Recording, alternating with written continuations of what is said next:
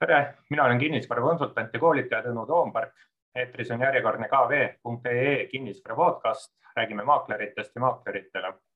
eetris podcasti kahekümne kaheksas osa ja tänane külaline on Pindi kinnisvara juhatuse liige Peep Sooman. tere, Peep. tere, tere. ja räägime, millest ikka, kinnisvaraturust, sellest, mis turul toimub. aga, aga kui niimoodi sissejuhatusena alustada, et, et prooviks kuidagi paari sõnaga kirjeldada, et mis, mis seis meil praegu turul on, on meil buum või, või on meil kriis või on meil midagi muud hoopis, kuidas, kuidas sa, Peep, paari sõnaga asja kokku võtaks? no kui sa tahad päris paari sõnaga, siis ma julgeks öelda või kasutada sellist lauset, et meil on kriisidest tingitud buum hetkel. Mm, jah, et ma, ma ise, ise nagu mõtleks ka, et kui paari sõnaga öelda, et on hullemgi olnud. Et on, on hullem olnud, aga on hullem olnud, aga me veel ei tea, mis edasi saab, nii et, et ajad on tegelikult ju eh, täiesti hoomamatud ja segased. Mm.. aga, aga kui siit eh, selle väga lühikese kokkuvõtte juurest minnagi, siis nii-öelda asja olemusliku äh, tuuma juurde, et kui meil käimas on meil tervishoiukriis, eks, mille lõpust nagu justkui midagi räägitakse, meil on julgeolekukriis, mis noh, kogub. Äh, mille kogub, algusest räägitakse. jah, äh, meil on võlakriis, mis, kus räägitakse intressimäärade tõstmisest, pluss eks okei okay,, sellega seonduvad just sõnaga võlg seonduvad riikide välisvõlad, meil on energiakriis, kliimakriis, eks, et ma ei tea, kas midagi akuutset on veel, mis kõik võiks meie eluolu, sellist igapäevast eluolu ja selle kaudu kinnisvaraturgu mõjutada praegu sa lugesid ette juba viis kriisi, eks ju, ja nende ja. kriisidega ongi see kõige suurem murekoht äh, on see, et äh, kui me kujutame ette, et, et kriis on üks selline juhtmekene, millega sa saad vasta reisi, siis jääb üks vorp alles, aga kui sul on neid kriise piisavalt palju, siis see üks juhe ei ole enam, tähendab, vabandust, äh, kui neid juhtmeid on piisavalt palju, siis, siis tegemist on juba kaabliga. Ja kui sa kaabliga saad vastu reit, siis on luu katki ehk siis vot see ongi see kõige suurem murekoht, et, et eskalatsioon võib tulla eh, täiesti ootamatust kohast, ootamatul kujul, täpselt nii nagu tegelikult kaks aastat tagasi kõik arvasid, et turud eh, täielikult kukuvad kokku, aga vastupidiselt eh, oodatule turud hoopistükkis hakkasid kontrollimatult tõusma, ükstaspuha, millist turuosa me vaatame. kas me vaatame kinnisvara, me vaatame Ferraride müüki, me vaatame aktsiaid, me vaatame krüptorahasid, kõik hinnad lendasid nagu hooga üles ühe egiidi all. rahatrükk, rahatrükk, rahatrükk, eks. et noh, tänaseks on see rahatrüki argument äh, mitte ainult evalveerunud, vaid ka tegelikult läbi saamas ja alles on ainult see kaablikene, eks, millega siis äh, me kogu aeg nagu vastu kintse saame. et noh, loomulikult on, on, ongi segased ajad ja, ja elame-näeme, kurja ei taha ennustada. Eh, head, head nagu ka midagi siin kuulutada ei ole ülearu. aga kui sa juttu viisidki rahatrüki peale, noh siis äh, et noh, ma, ma, ma ei mäletagi, kas ma seda kuskilt lugesin või, või mõtlesin selle võrdluse ise välja, et kus selline kunagine rahatrükk äh, on äh, saanud sellise justkui siis paralleelina, et leebe kanepi suitsetamine ja, ja tänaseks on muutunud ta fentanüüli süstimiseks, kus ikkagi lõpp on päris lähedal ja ilma järgmise süstita ei ela. et noh, et ja siin siis, eks see mõjutab kogu majandust, äh, inflatsioonilist keskkonda, selle läbi väga otseselt kinnisvaraturgu, et äh, ma ei teagi, et kas saab kuidagi teistmoodi kui ilma järgmise rahatrüki sammuta, sest äh, elu halvemaks minemine, majanduse tagasilöögid justkui tunduvad äh, keelatud äh, olevat. mis sa sellisest mõttekäigust arvad? no nad on keelatud sellepärast, et kes iganes selle sammu teeb, teeb poliitilise enesetapu järgmiste valimiste ajal, eks ju, et selles mõttes ta ei ole keelatud, aga ta on lihtsalt noh, ta on tabu ja keegi ei taha olla ebapopulaarne, aga paratamatult noh, mingil hetkel tuleb see noh, sinu selle fentanüüli näite varal, eks, et äh, mingil hetkel peab see kainenemine ju toimuma, vastasel juhul ütleb midagi lihtsalt üles ja, ega rahandussüsteem on ju tegelikult nii kompleksne, ja nüüd globaliseerunud maailmas ka nii omavahel seotud, et, et kui, kui midagi hakkab käest ära minema, siis läheb igal pool käest ära. ja, ja me ei saa ära unustada seda, et, et ähm, see klišee lause, millega äh, turul tegelikult noh, jutumärkides mehetegused on tehtud, et, et maailmas pole kunagi nii palju enne raha olnud. see kõlab nagu sellise äh, eufoorias teismelise koolipoisi jutt, kes, kellele on pandud liiter viina nina alla ja kes on õnnelik, et äh, mul pole kunagi nii palju alkoholi enne olnud aga noh, me ainult võime ette kujutada, kuidas see pull lõpeb, eks ju, lõpuks ta ikka magab oma okselaigu sees, eks. et, et rääkides siis sellest koolipoisist või siis sellest fentanüüli näitest, et noh, lõpp on väga sarnane. taaskord jälle, ma ei taha nagu kurja kuulutada, aga kui me vaatame kogu seda, seda mustrit, mis täna turul on, siis ma olen kasutanud seda metafoori paar korda enne ka, et need, kes malet mängivad, nad saavad aru, et ähm, et kõik tundub malelaual just nagu okei okay ja loogiline, aga mingil paganama põhjusel on mul mõlemad odad ühe värvi peal. ja vot järgu tasemel ma mängida enam ei saa, kui mul odad jäävad üksteisele ette.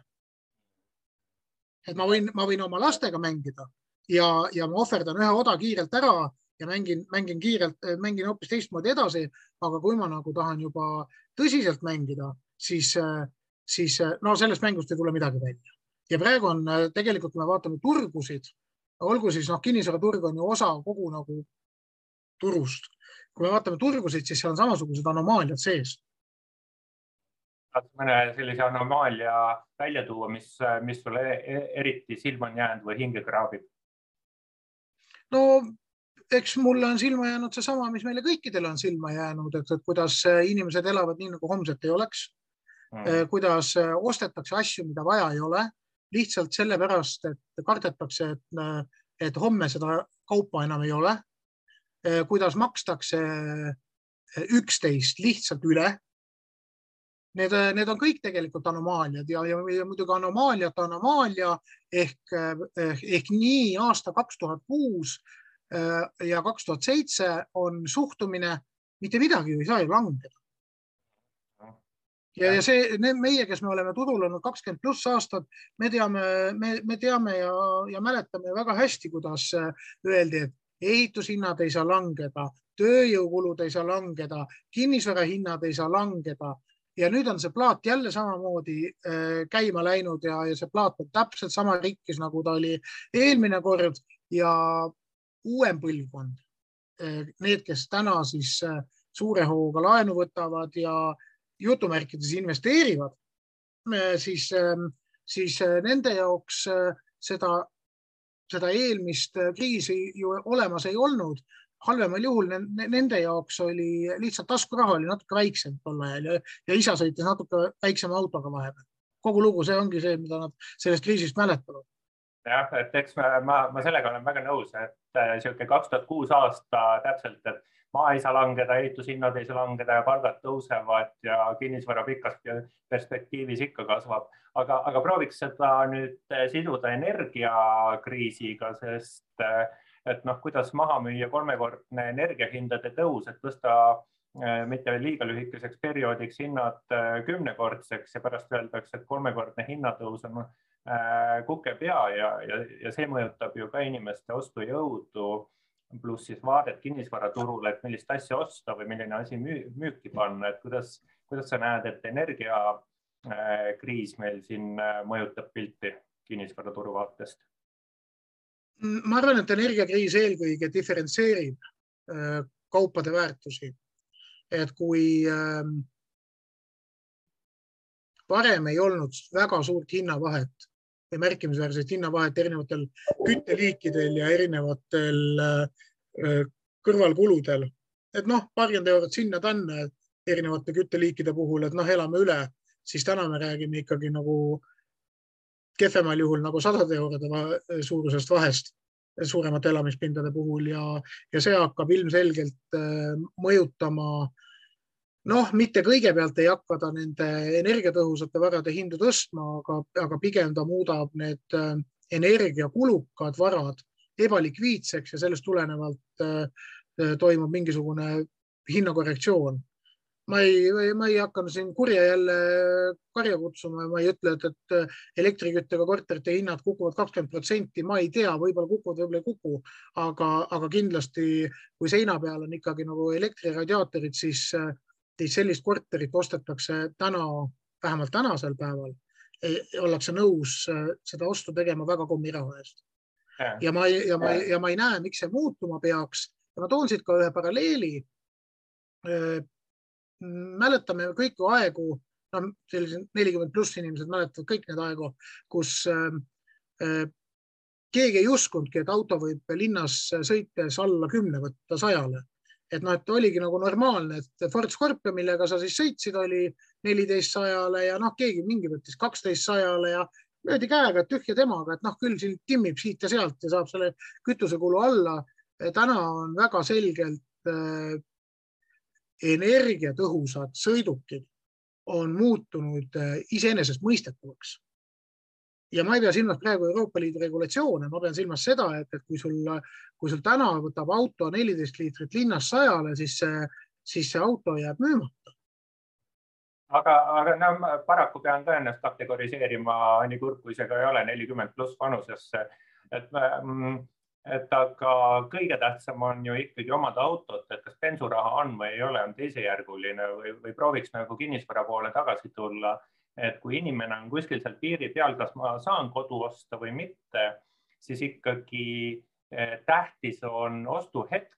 tähtis, tähtis on see, et ma saan jala ukse vahele ja edasise kulu peale Eh, mõtleb rikas ostja, see, see, kes on seal kuskil piiri peal, tema, tema tahaks mingi ostu, ostu ära teha ja edasine ülalpidamiskulu võib-olla ostu tegemise hetkel ei ole nii tähtis.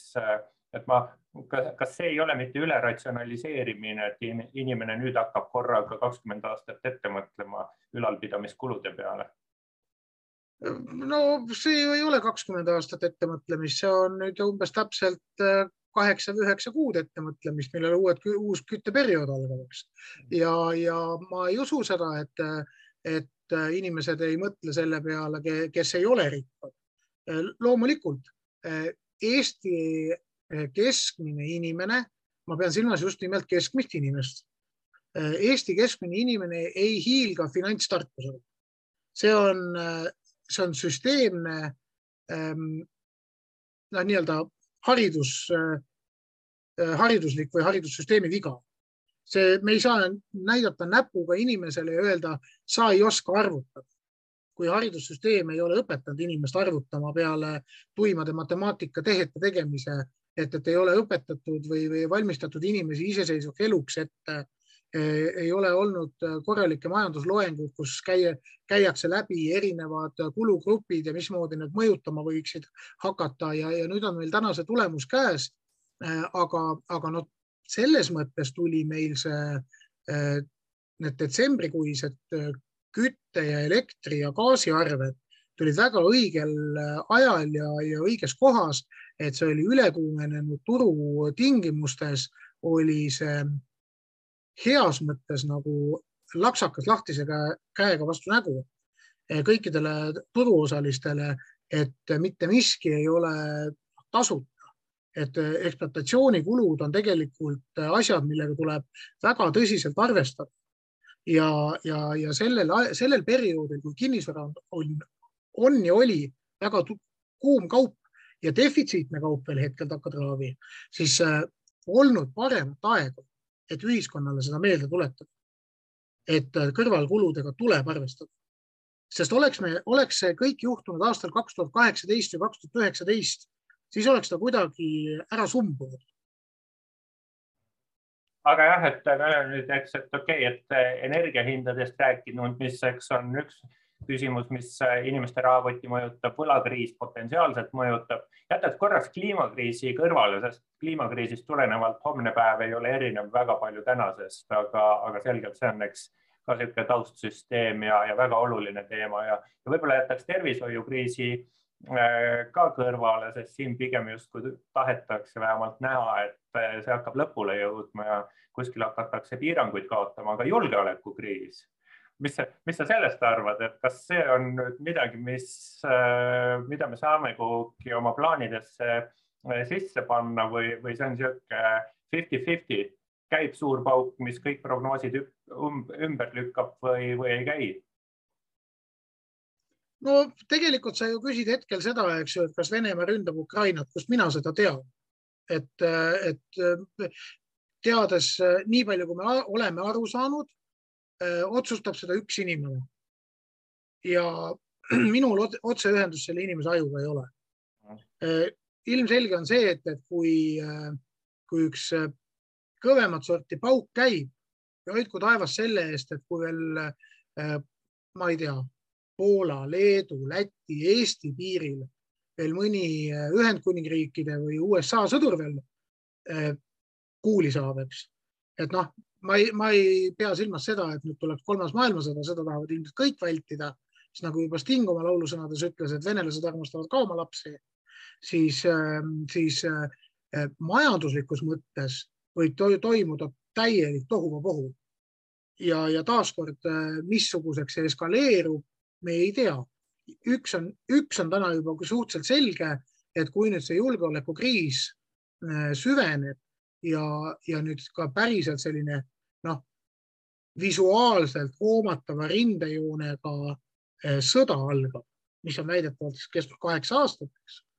Äh, aga et, et kui see rindejoon veel tekib ja, ja toimubki nagu füüsiline invasioon võõrriiki, siis selge on see, et, et maailma rahandusturud reageerivad väga äkiliselt sellele ja, ja kui rahandusturud reageerivad äkiliselt, see tähendab seda, et, et aktsiaturgudel toimub müügisurve, see tähendab seda, et pankade valmisolek raha välja laenata kahaneb miinimumini ja see jõuab omakorda ringiga kohe ka kinnisvarasektorisse, sellepärast et kui pangad raha välja ei laena, siis väga arvestatav hulk ostjaid on pildilt kadunud. Ja kui, kui ostjad on pildilt kadunud, tehinguid ei tehta, noh siis sealt ei ole enam raske edasi järeldada, mis, mis edasi saama hakkab, et, et toimubki seesama, mis toimus aastal kaks tuhat üheksa.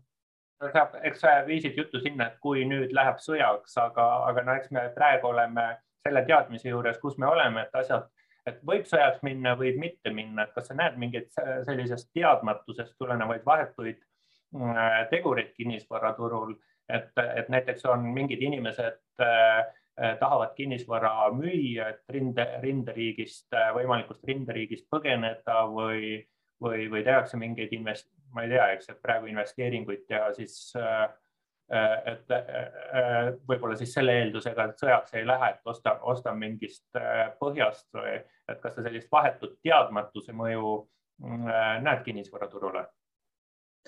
no vaata, kui sa viitasid sellele, et, et nüüd tahetakse sellest ähm, tsoonist välja viia, et nad ka, kui nüüd Donbassis äh, inimesed hakkavad kinnisvara müüma, no see ei mõjuta Eesti elu iga, igapäevast vähemalt mitte, eks, et, et see pinge on ju olnud õhus aastaid. ma pidasin rinde, rinderiigi all silmas äh, Eestit, Eestit, eks, et äh, kaks tuhat neliteist siis ikkagi ma, kusjuures, eks, et toona, kui Maidani sündmused käisid, kuulsin küll mitte palju, ähm, aga et Eestis müüdi kinnisvara, et rinderiigist oma investeeringud välja viia, et mitte eestlased. no selles mõttes.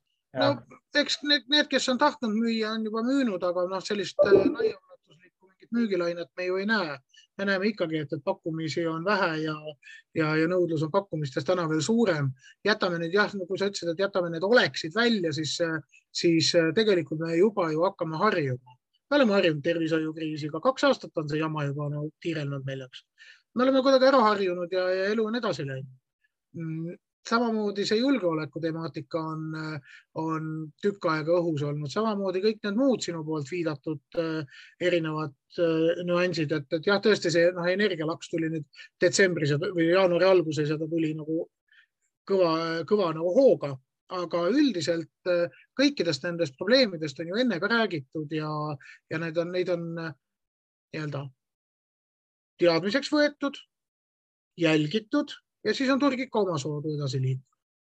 nii et, et kui me räägime Anno Domini kaks tuhat kakskümmend kaks äh, veebruarist, siis jätame need oleksid välja, kui seisud on sellised, nagu nad praegu on edasi, siis ma ei näe küll, et üheksa päeva jooksul siin mingisugust äh, märkimisväärselt äh, mõju tuleb ja mida aeg edasi, seda rohkem harjutakse nende, nende potentsiaalsete negatiivsete arengutega ära. Ärme unusta ka seda, et, et põhimõtteliselt iga päev peaaegu me näeme Aktuaalsest Kaamerast intervjuusid ukrainlastega, kes üldse laiutavad käsi, ütlevad, mis sõda, millest te räägite? ei tule siin mingit sõda.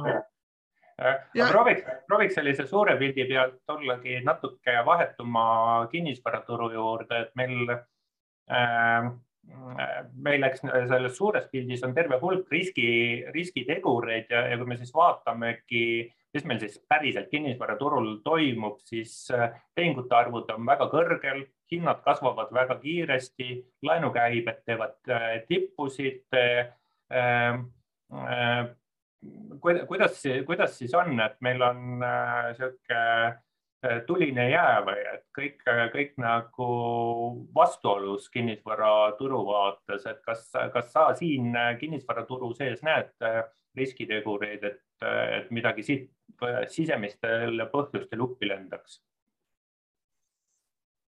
noh, me peame minema aastasse kaks tuhat seitse korraks ja, ja tuletan meelde, kes ei mäleta, aastal kaks tuhat seitse täiesti sisemistel põhjustel lendas kinnisvaraturg uppi ja, ja korteriomandite hinnad langesid viisteist kuni kakskümmend protsenti. mäletatavasti kogu see USA pankade jant ju algas alles kaks tuhat kaheksa oktoobris. Nii et, ähm, et, et loomulikult saab sisemiselt uppi minna ja, ja sisemiselt uppi minekul noh, kõige suuremad riskid ongi need, et tegelikult meil on toimunud tohutu polariseerumine Äh, äh, jõukad on jõukamaks saanud ja, ja need äh, inimesed, kes on peos suhu elanud või elavad üldse suhtelises vaesuses, nende elu on aina, aina kogu aeg raskemaks läinud. et siin võib jälle rääkida sellest rahatrükist ükstaspuha, kui palju sa tahad, aga tegelikult reaalsus on see, et lihtinimeseni seda raha jõudnud ei ole.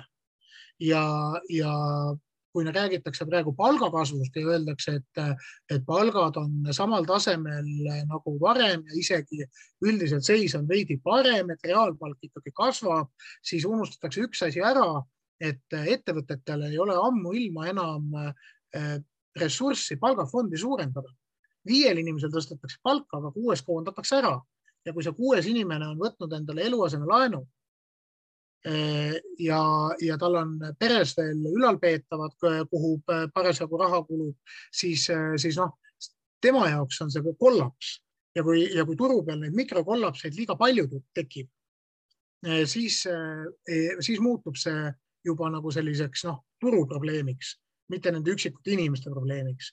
et noh, see on see kõige suurem ohukoht, et, et kogu aeg räägitakse äh, ainult rahatrükist, ainult äh, palkade kasvust, aga see, et, äh, et, et poes munad nelikümmend protsenti kallimaks läksid, käib ühe korra kuskilt Delfi veergudelt läbi ja sellele, äh, selle, sellega ongi joon alla tõmmatud teemale. et kui täna minna poodi ja, ja osta sama kaup, mida ma ostsin aasta aega tagasi, siis hinnavahe on kakskümmend, kakskümmend viis protsenti ma ja, arvasin, et ja, ma olen, ma olen tugevamaks saanud, et vanasti ma pidin kaks korda käima, et saja euro eest kaupa autosse tassida, aga nüüd võtan ühe käe otsa. et ma. no täpselt, täpselt.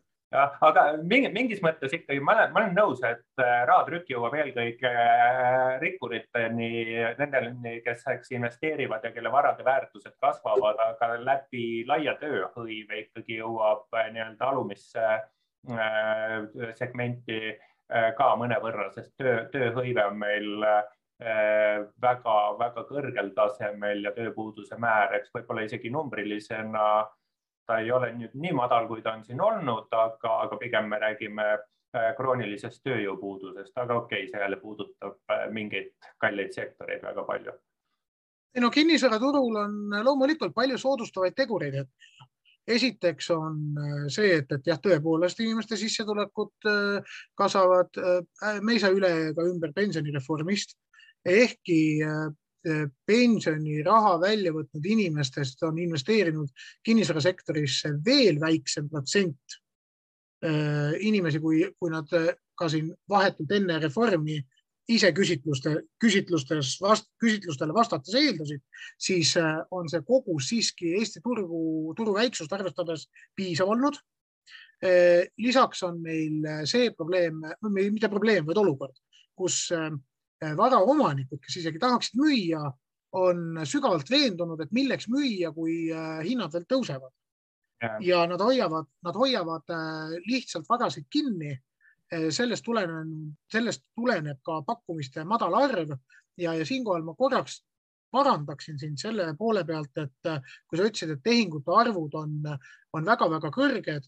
Mm, ma olen nõus, tehingute arvud on kõrged, aga kui me lahutame sealt maha eh, uusarenduste asjaõiguslepingud ja vaatame puhtalt järelturgu, siis on täiesti tavaline aasta kaks tuhat kaheksateist, kaks tuhat üheksateist et, ähm, et jah, maakondades on rohkem seda äh, äh, aktiivsust äh, kasvanud ja, ja tõenäoliselt see ongi pensionireformi tulemus, sest kui sa saad pensionireformiga kakskümmend tuhat eurot endale kõpsti kätte, siis selle eest sa saad osta endale selles väikeses piirkonnas ühe korteri vähemalt.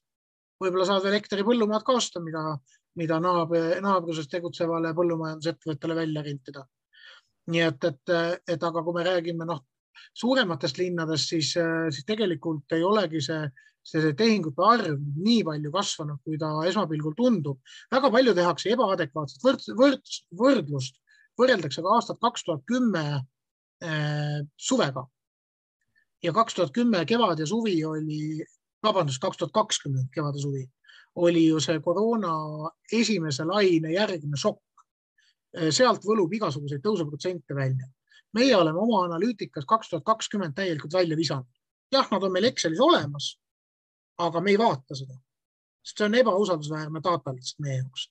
meie võtame alati kaks tuhat üheksateist versus täna ja siis me proovime aru saada, et eh, kaks tuhat üheksateist mäletatavasti räägiti eh, ükskõik taaskord, mis turgudel, olgu see siis aktsiaturud, eks Eestis või, või USA-s või, või muudes riikides kuni kohaliku kinnisvaraturuni välja kaks tuhat üheksateist öeldi, tundub, et turud hakkavad kergelt üle kuumenema.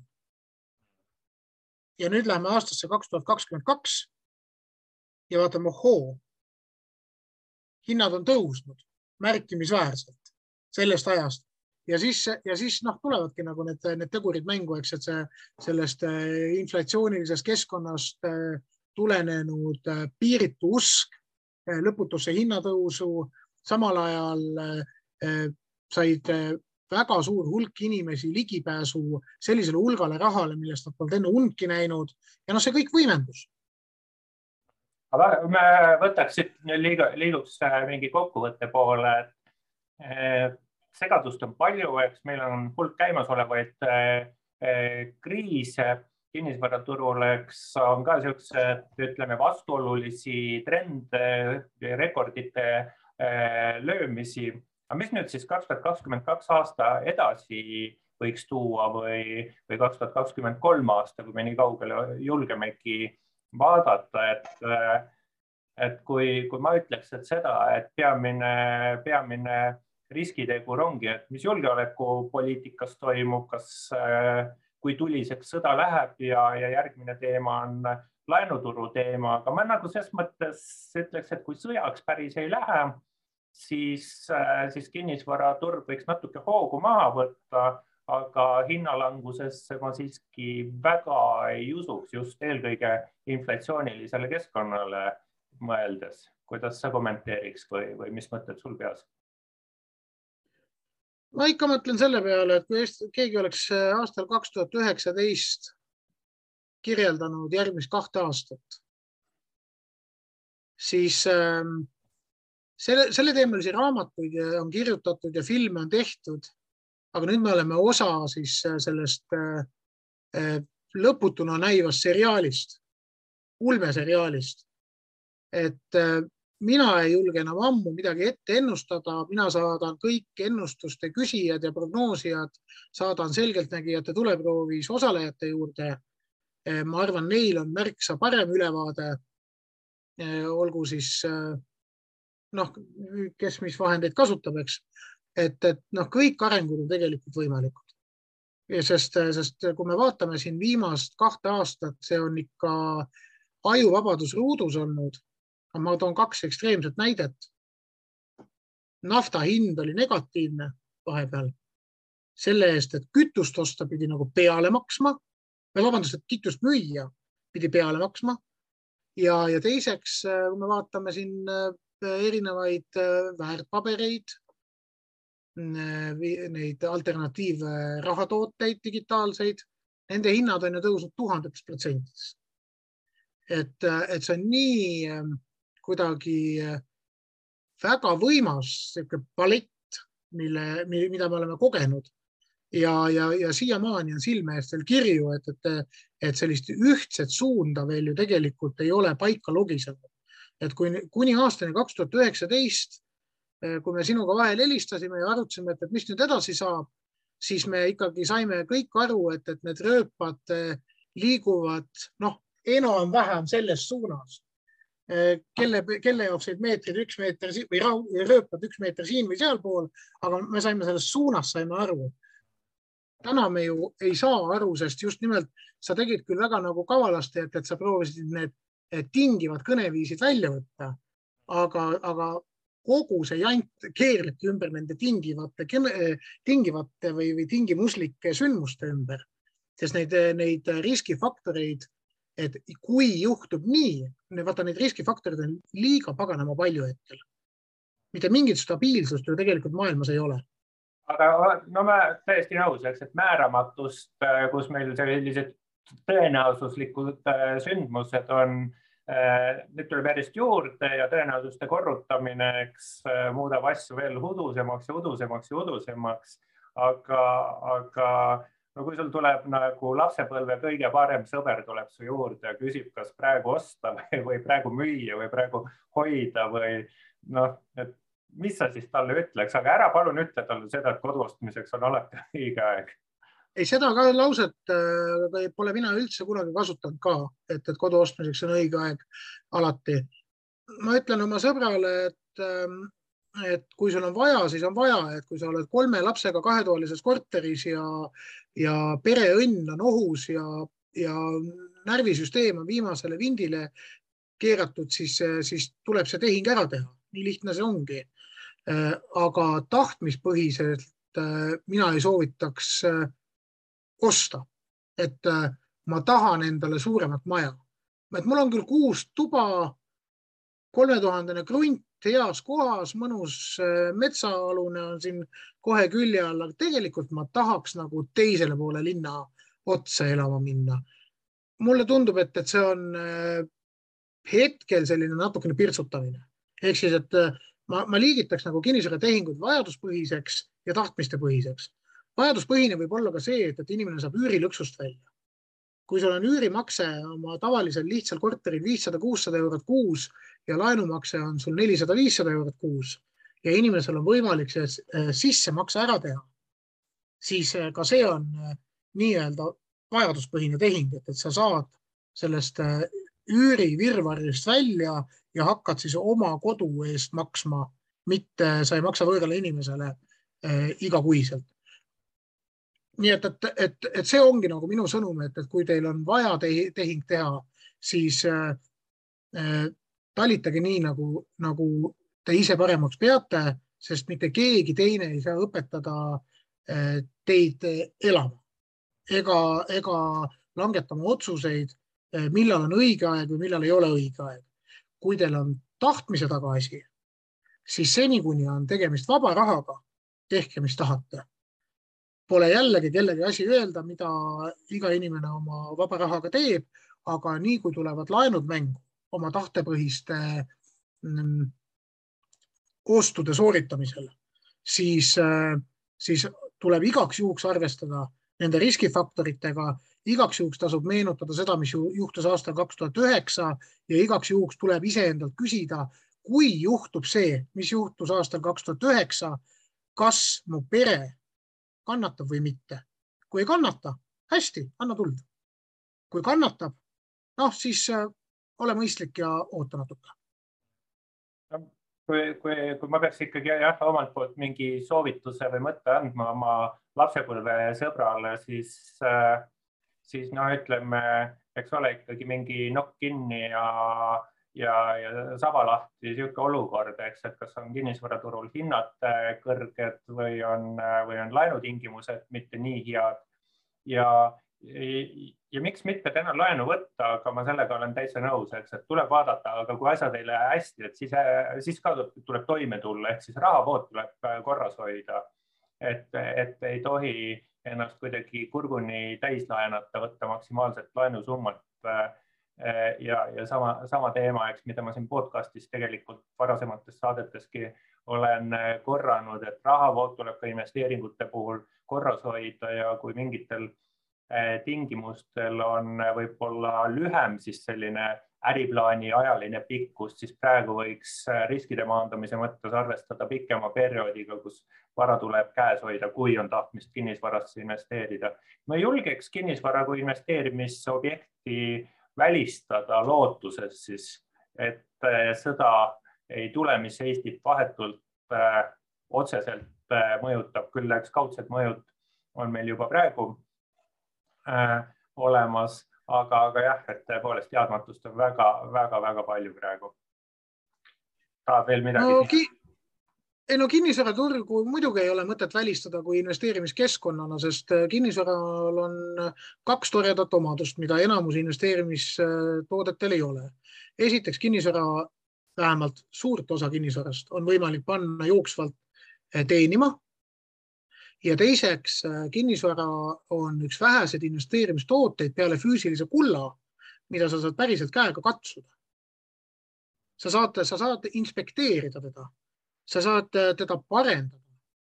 Äh, kulda parendada ka enam ei saa, kui sul on üheksa, üheksa, üheksa, üheksa kuld, mis sa selle enam parendad.